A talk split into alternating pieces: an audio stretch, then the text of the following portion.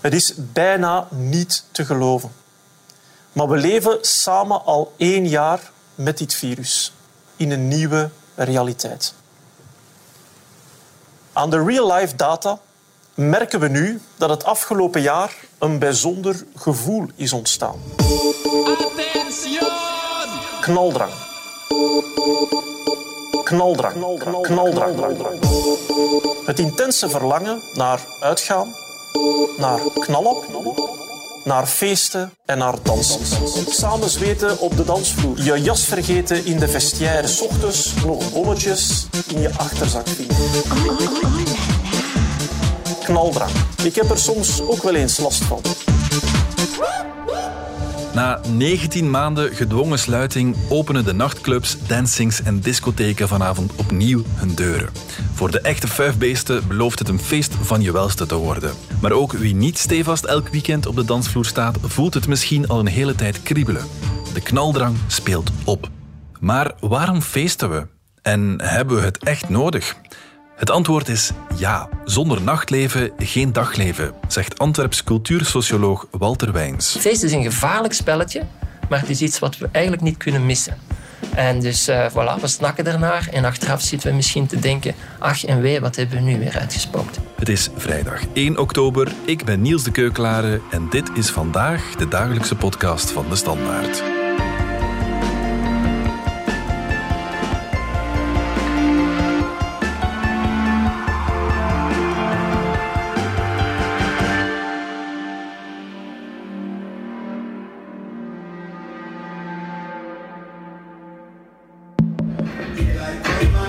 Denk jij als je aan feesten denkt?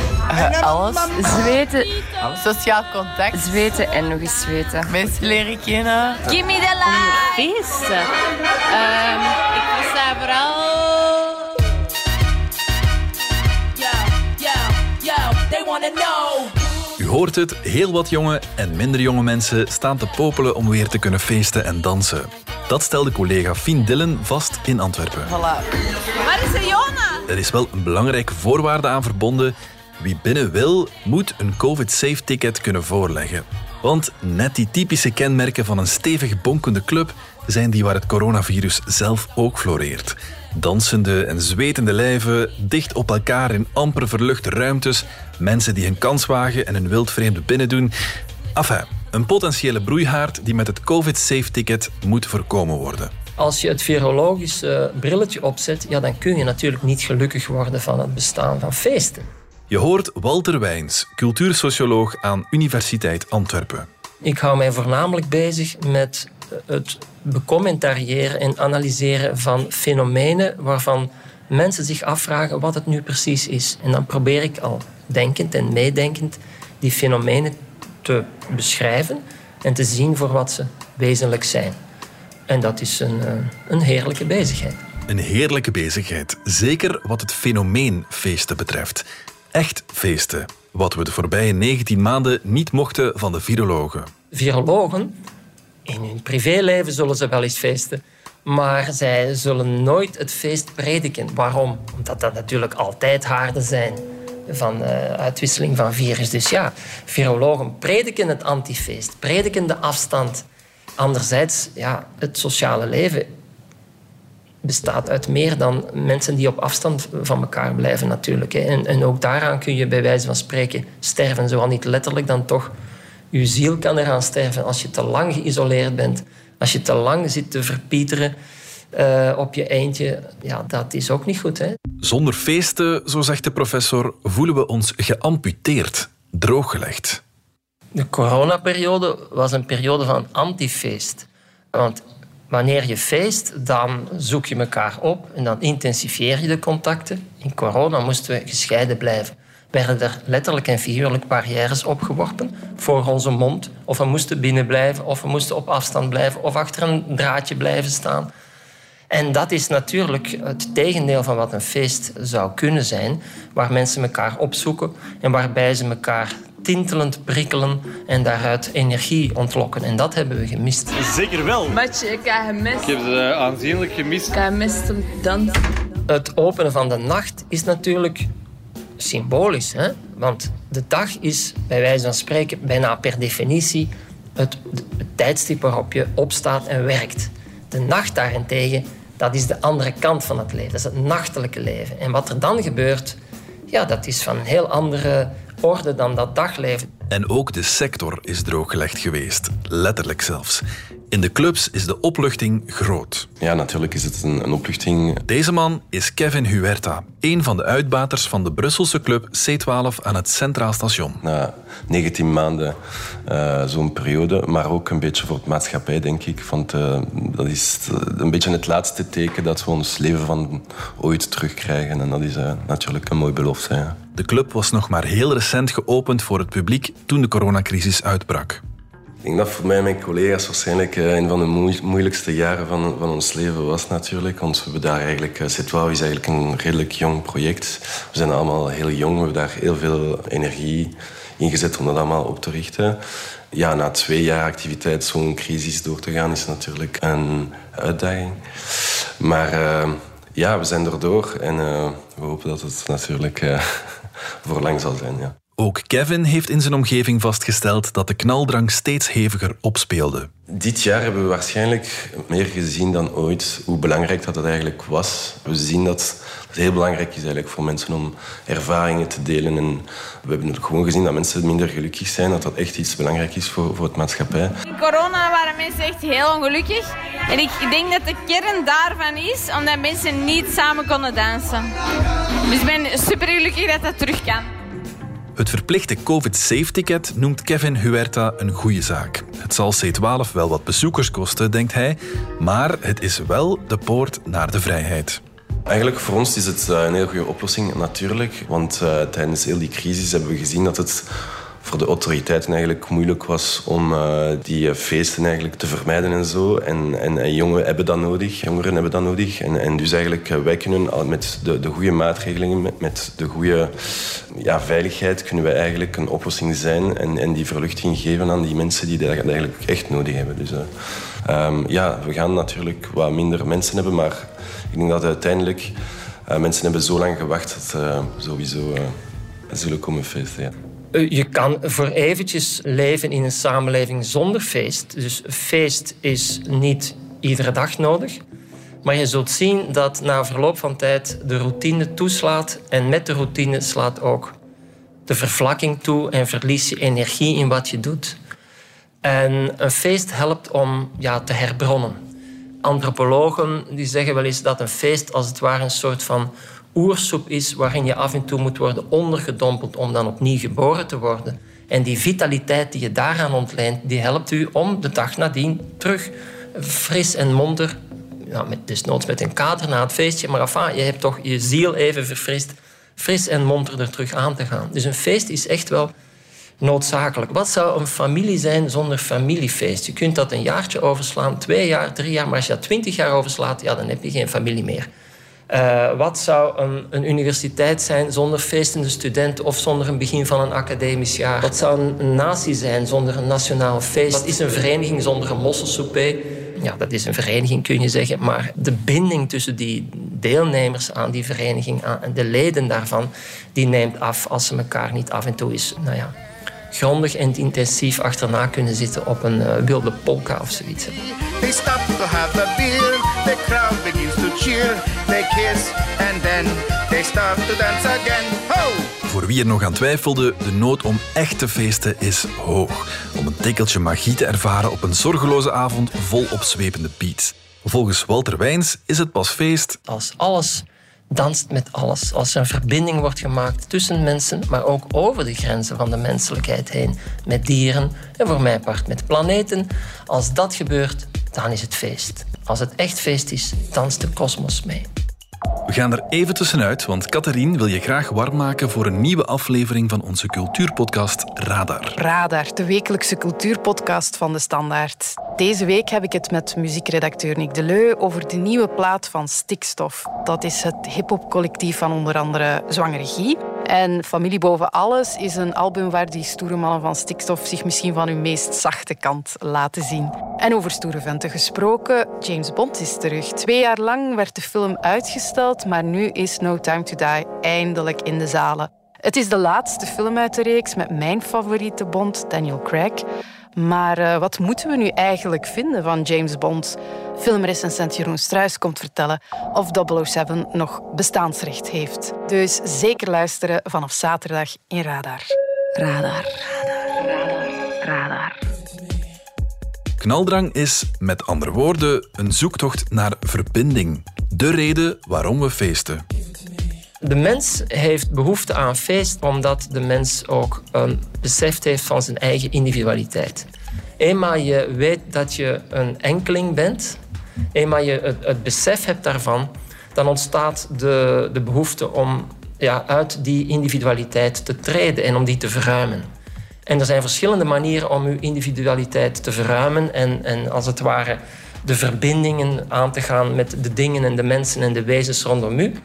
Uh, als het ware mee te resoneren daarmee. Maar het feest is daar zeker één van en wel het meest abrupte. Want eenmaal je naar de feestmodus gaat, dan schakel je de modus van de arbeid uit. De arbeid uitschakelen wil zeggen de taakverdeling naast je neerleggen. Dat wil zeggen dat uh, de, de bestaande rollen die een beetje geroutiniseerd worden opgenomen in het gewone leven, dat we die naast ons neerleggen en dat we elkaar ontmoeten op een manier die uh, niet meer routineus is. En nu zal je misschien zeggen, ja, maar er zijn toch heel veel saaie feestjes. Dat is ook waar. Er zijn verschrikkelijk saaie ceremoniële feesten maar die, ja, die missen dan, laten we maar zeggen, die feestelijke kern waar we nu na corona naar snakken. Ik denk niet dat er veel ceremoniële feestjes zullen georganiseerd worden, maar des te meer vibrante, Samen niet. effervescente, collectief, ja, bruisende feestjes. Op dezelfde muziek. Uh... Ja. En ook nachtclubuitbater Kevin Huerta herkent zich erin. Het kan er heel futiel uitzien, feesten. Maar ik denk dat het mens gewoon een, een sociaal dier is. En dat die heeft uh, ja, ervaringen nodig met, met zijn, uh, zijn medemensen. En, en, dat is heel belangrijk. En we, we hebben het ook dit jaar gezien. Gewoon, mensen zijn ongelukkig als ze niet samen kunnen een concert gaan zien, een, een tentoonstelling gaan zien, een, naar een concert gaan of gaan dansen gewoon en feesten. Alles loslaten, inderdaad. Ja. Volgens de Franse socioloog Émile Durkheim ontstaat ons maatschappelijk leven uit feesten.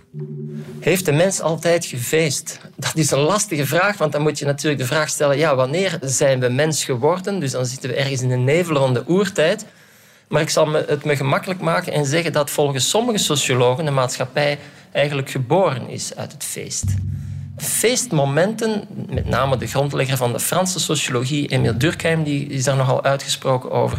Die zegt dat het maatschappelijk besef is ontstaan omdat mensen elkaar overdonderd hebben tijdens zo'n feest. En dat maakte zoveel indruk dat ze daar nog dagen en weken en maanden lang uh, nadien aan herinnerd werden. En dat daar een soort huivering van uitging. Het feest, dat was iets geweldigs, dat was iets groots. En het feest was dan eigenlijk de groep waaraan ze verbonden werden. En uit dat feest zouden dan, volgens Durkheim, allerlei regels ontstaan zijn. En zouden dan ja, het, het besef van wie je bent, dus je identiteit zou daar ontstaan zijn. Dus het feest is het geboortemoment van de maatschappij, volgens Durkheim. Misschien moeten we dat met een korreltje zout nemen, maar het is toch een mooi verhaaltje. Een feest dat zo hevig was dat er maatschappelijke regels uit ontstaan zijn, dat moet nogal een braspartij geweest zijn. Maar dat opzoeken van die grenzen, dat is wel erg typerend. Walter Wijns stelt het nog scherper. Zonder grenzen te overschrijden, geen feest. Als een feest niet grenzen overschrijdt, dan is het eigenlijk geen feest. En hier bevinden we ons natuurlijk op glad ijs. Dat zul je wel zien aankomen. Maar wanneer een feest te veel de deelnemers zich laat vasthouden of vastzet op hun bestaande maatschappelijke positie, dan, ja, dan kun je net zo goed niet feesten. Want dan zijn de banden tussen die uh, feestende mensen, die, die worden dan niet aangehaald. Het is pas wanneer je een beetje je fatsoen verliest. Wanneer je, zoals Maffesoli, de Franse socioloog het noemt, ondergedompeld wordt in een sfeer van consensualisme, een gemeenschappelijk gedeeld gevoel van ondergedompeld te worden in dezelfde zintuigelijke sfeer. Je hoort, je ziet, desgevallend ruik je. Allemaal hetzelfde. En je stamt mee en je deint mee op het ritme. Dansen delen met vrienden is echt... Ja, ik kan het zelfs niet omschrijven. Er is niks dat, dat te vergelijken valt met dansen met vrienden. En dat verbindt, dat maakt mensen één. Je voelt je daar op een bepaalde manier intens geconnecteerd met de mensen rondom u. En, eh, en je laat dingen los. Je laat dingen los op de dansvloer. En het is dat gevoel van ik ben niet meer alleen, maar ik breid mezelf uit. En dus dat overschrijdt natuurlijk grenzen. Dat overschrijdt grenzen tussen seksen, dat overschrijdt grenzen tussen leeftijdsgroepen, dat overschrijdt grenzen tussen mensen en dieren. Ook tussen de doden en de levenden. Een iets of wat feestje nodigt de doden uit. De grote Mexicaanse schrijver, die zei wel dat er nog op deze... Hij schreef dat in een opstel 40 jaar geleden of zo, of, of al langer misschien... dat er maar op twee plaatsen gefeest wordt in deze wereld. Dat is in Mexico en in Vlaanderen. Waarschijnlijk kende hij Vlaanderen van de Breugeliaanse schilderijtjes. En dan dacht hij, ah, zo doen ze dat daar. Maar in ieder geval in Mexico, dat wist hij uit de eerste hand... daar ja, wordt natuurlijk gefeest. Hè. Dus op die, die, novemberdagen, daar gaan mensen... die trekken naar het kerkhof en die uh, geven dan drank aan de doden. En ze zetten dan allerlei maskers op die refereren naar de, de sterfelijkheid. En dus de grens van leven en dood wordt overschreden. Ja, dat is wat er gebeurt. Dus een echt feest, dat is een verzoening van alles met alles. Marx zou zeggen, een echt feest is communisme. Hè? Niet omdat dan iedereen de productiemiddelen bezit, maar wel omdat we dan allemaal, nou ja, eh, respect hebben voor elkaar in zekere zin. Of tenminste niemand vastzetten in zijn grenzen. De professor zei het al, wie grenzen overschrijdt, begeeft zich al snel op glad ijs. En dan loeren de gevaren om de hoek. Natuurlijk is dat gevaarlijk. Want als je grenzen overschrijdt, dat ruikt naar geweld. Dat ruikt naar seksueel misbruik. Dat ruikt naar ja, overweldiging. Iemand die een klein beetje vertrouwd is met crowd control, die weet dat feesten gevaarlijk zijn. De massa die brengt iets teweeg. Er vallen doden. Er zijn gekwetsten, gewonden. Mensen worden buiten zichzelf. Ze gaan ergens op een dak staan en ze springen naar beneden omdat ze misschien even het gevoel hebben dat ze kunnen vliegen. Of gewoon omdat ze dronken zijn. Ook een manier natuurlijk om uit onszelf te komen. Om in die roes te komen. Ja, de roesmiddelen helpen daarbij natuurlijk. Wat is een roes? Een roes is een geboortemoment eigenlijk. Of ook een moment waarin je je oude zelf aflegt en sterft. En het is dan ook evident dat die uh, rijkelijk passeren. Of dat nu gaat om alcohol of om andere vormen van drugs. Maar je ziet dat inderdaad dat dat uh, vaak gebruikt wordt. Dat helpt mensen los te komen. Letterlijk, los te gaan. Zo'n beetje de krijt die je vandaag hoort. We gaan los. Drank- en druggebruik is niet onschuldig. In de Brusselse discotheek C12 geldt een nultolerantie, zegt uitbater Kevin. De aanpak die wij daarop hebben is dat het eigenlijk jammer genoeg bestaat. Um, maar het beste manier om dat aan te pakken is van gewoon veel preventie te doen en nultolerantie. En dat is altijd zo geweest in, in C12. Ja. En drugs is alom tegenwoordig in het uitgaansleven. Het baart de professor wel zorgen. Ja, wat je ziet is inderdaad, en we zitten hier nu in Antwerpen. Dat is zo'n beetje, ik kan niet zeggen de Europese hoofdstad van de narcotica, maar het scheelt toch niet veel. En inderdaad, we zien dat zeker bij bepaalde beroepsgroepen, bevolkingsgroepen, dat er serieus wat drugs genomen wordt. En ja, dat zal allicht wel zijn omdat ze niet op een andere manier die overstap kunnen maken naar een ontremming. Ja, dat is zorgwekkend. Dat is zorgwekkend. En dat, waarmee heeft dat te maken? Ja, waarschijnlijk met hun iets te gestresseerde leven, zeker. Of dat heeft te maken met uh, het feit dat ze inderdaad uh, alles uit het leven willen halen en dan denken dat, het, dat ze op korte termijn zo intensief moeten leven dat ze dan ook nog maar wat, uh, ja, wat neem je dan zoal, allerlei ecstasy-pillen en noem eens iets, hè, tegenaan moeten gooien. Drugsgebruik getuigt van een gebrek aan geduld. Maar mensen hebben geen geduld meer natuurlijk, hè, want ze willen het leven volstoppen met allerlei ervaringen. En ja, dat is niet goed voor het echte feestgevoel, denk ik. Dan rijst de vraag: zijn we nog wel in staat om echt te feesten? Zijn wij mensen in een zeer georganiseerde wereld eigenlijk nog wel in staat tot feesten? Want wij leven in een 24-uur-economie. Wij kunnen niet uh, even de arbeid helemaal stilleggen. Dat gaat niet, want dan stort er van alles in. Dus uh, het systeem moet blijven draaien. Octavio Paz, waar ik daarnet naar verwees, die denkt dan misschien aan feesten zoals Breugel het zich voorstelde. En als je zo een Breugeliaans bruiloft, uh, als je dat schilderij bekijkt, dan zie je dat, ja, dat daar precies gebeurt wat tijdens een feest in zo'n dorp echt plaatsvindt. Daar vinden slingers, die dansen, plaats. En die verbinden de woningen. En eigenlijk is het dorp mee aan het dansen. Dat wil zeggen, er is daar niemand aan het werken. Er zit daar niemand achter zijn laptop. Er is daar niemand bezig met het sturen van een mailtje of wat dan ook. Nee, we zijn allemaal eventjes ondergedompeld. Maar ja, wie kan dat nu? Op e- iets of wat feestje vandaag zitten mensen gewoon hun werk te doen, bij wijze van spreken. Omdat ze nog even eh, iets, iets beantwoorden of even moeten reageren. Dus ze zijn zodanig afgeleid, ze zijn zodanig toch nog vast en verankerd aan al die draden die hen verknopen en waarin ze verbonden zijn in het dagelijks leven. En ze kunnen daar toch moeilijk uit dat het echte feest misschien voor ons niet meer is weggelegd. Dus de vraag waar is dat feestje kun je als een bijna filosofische vraag opvatten. Is er überhaupt nog een feestje vandaag?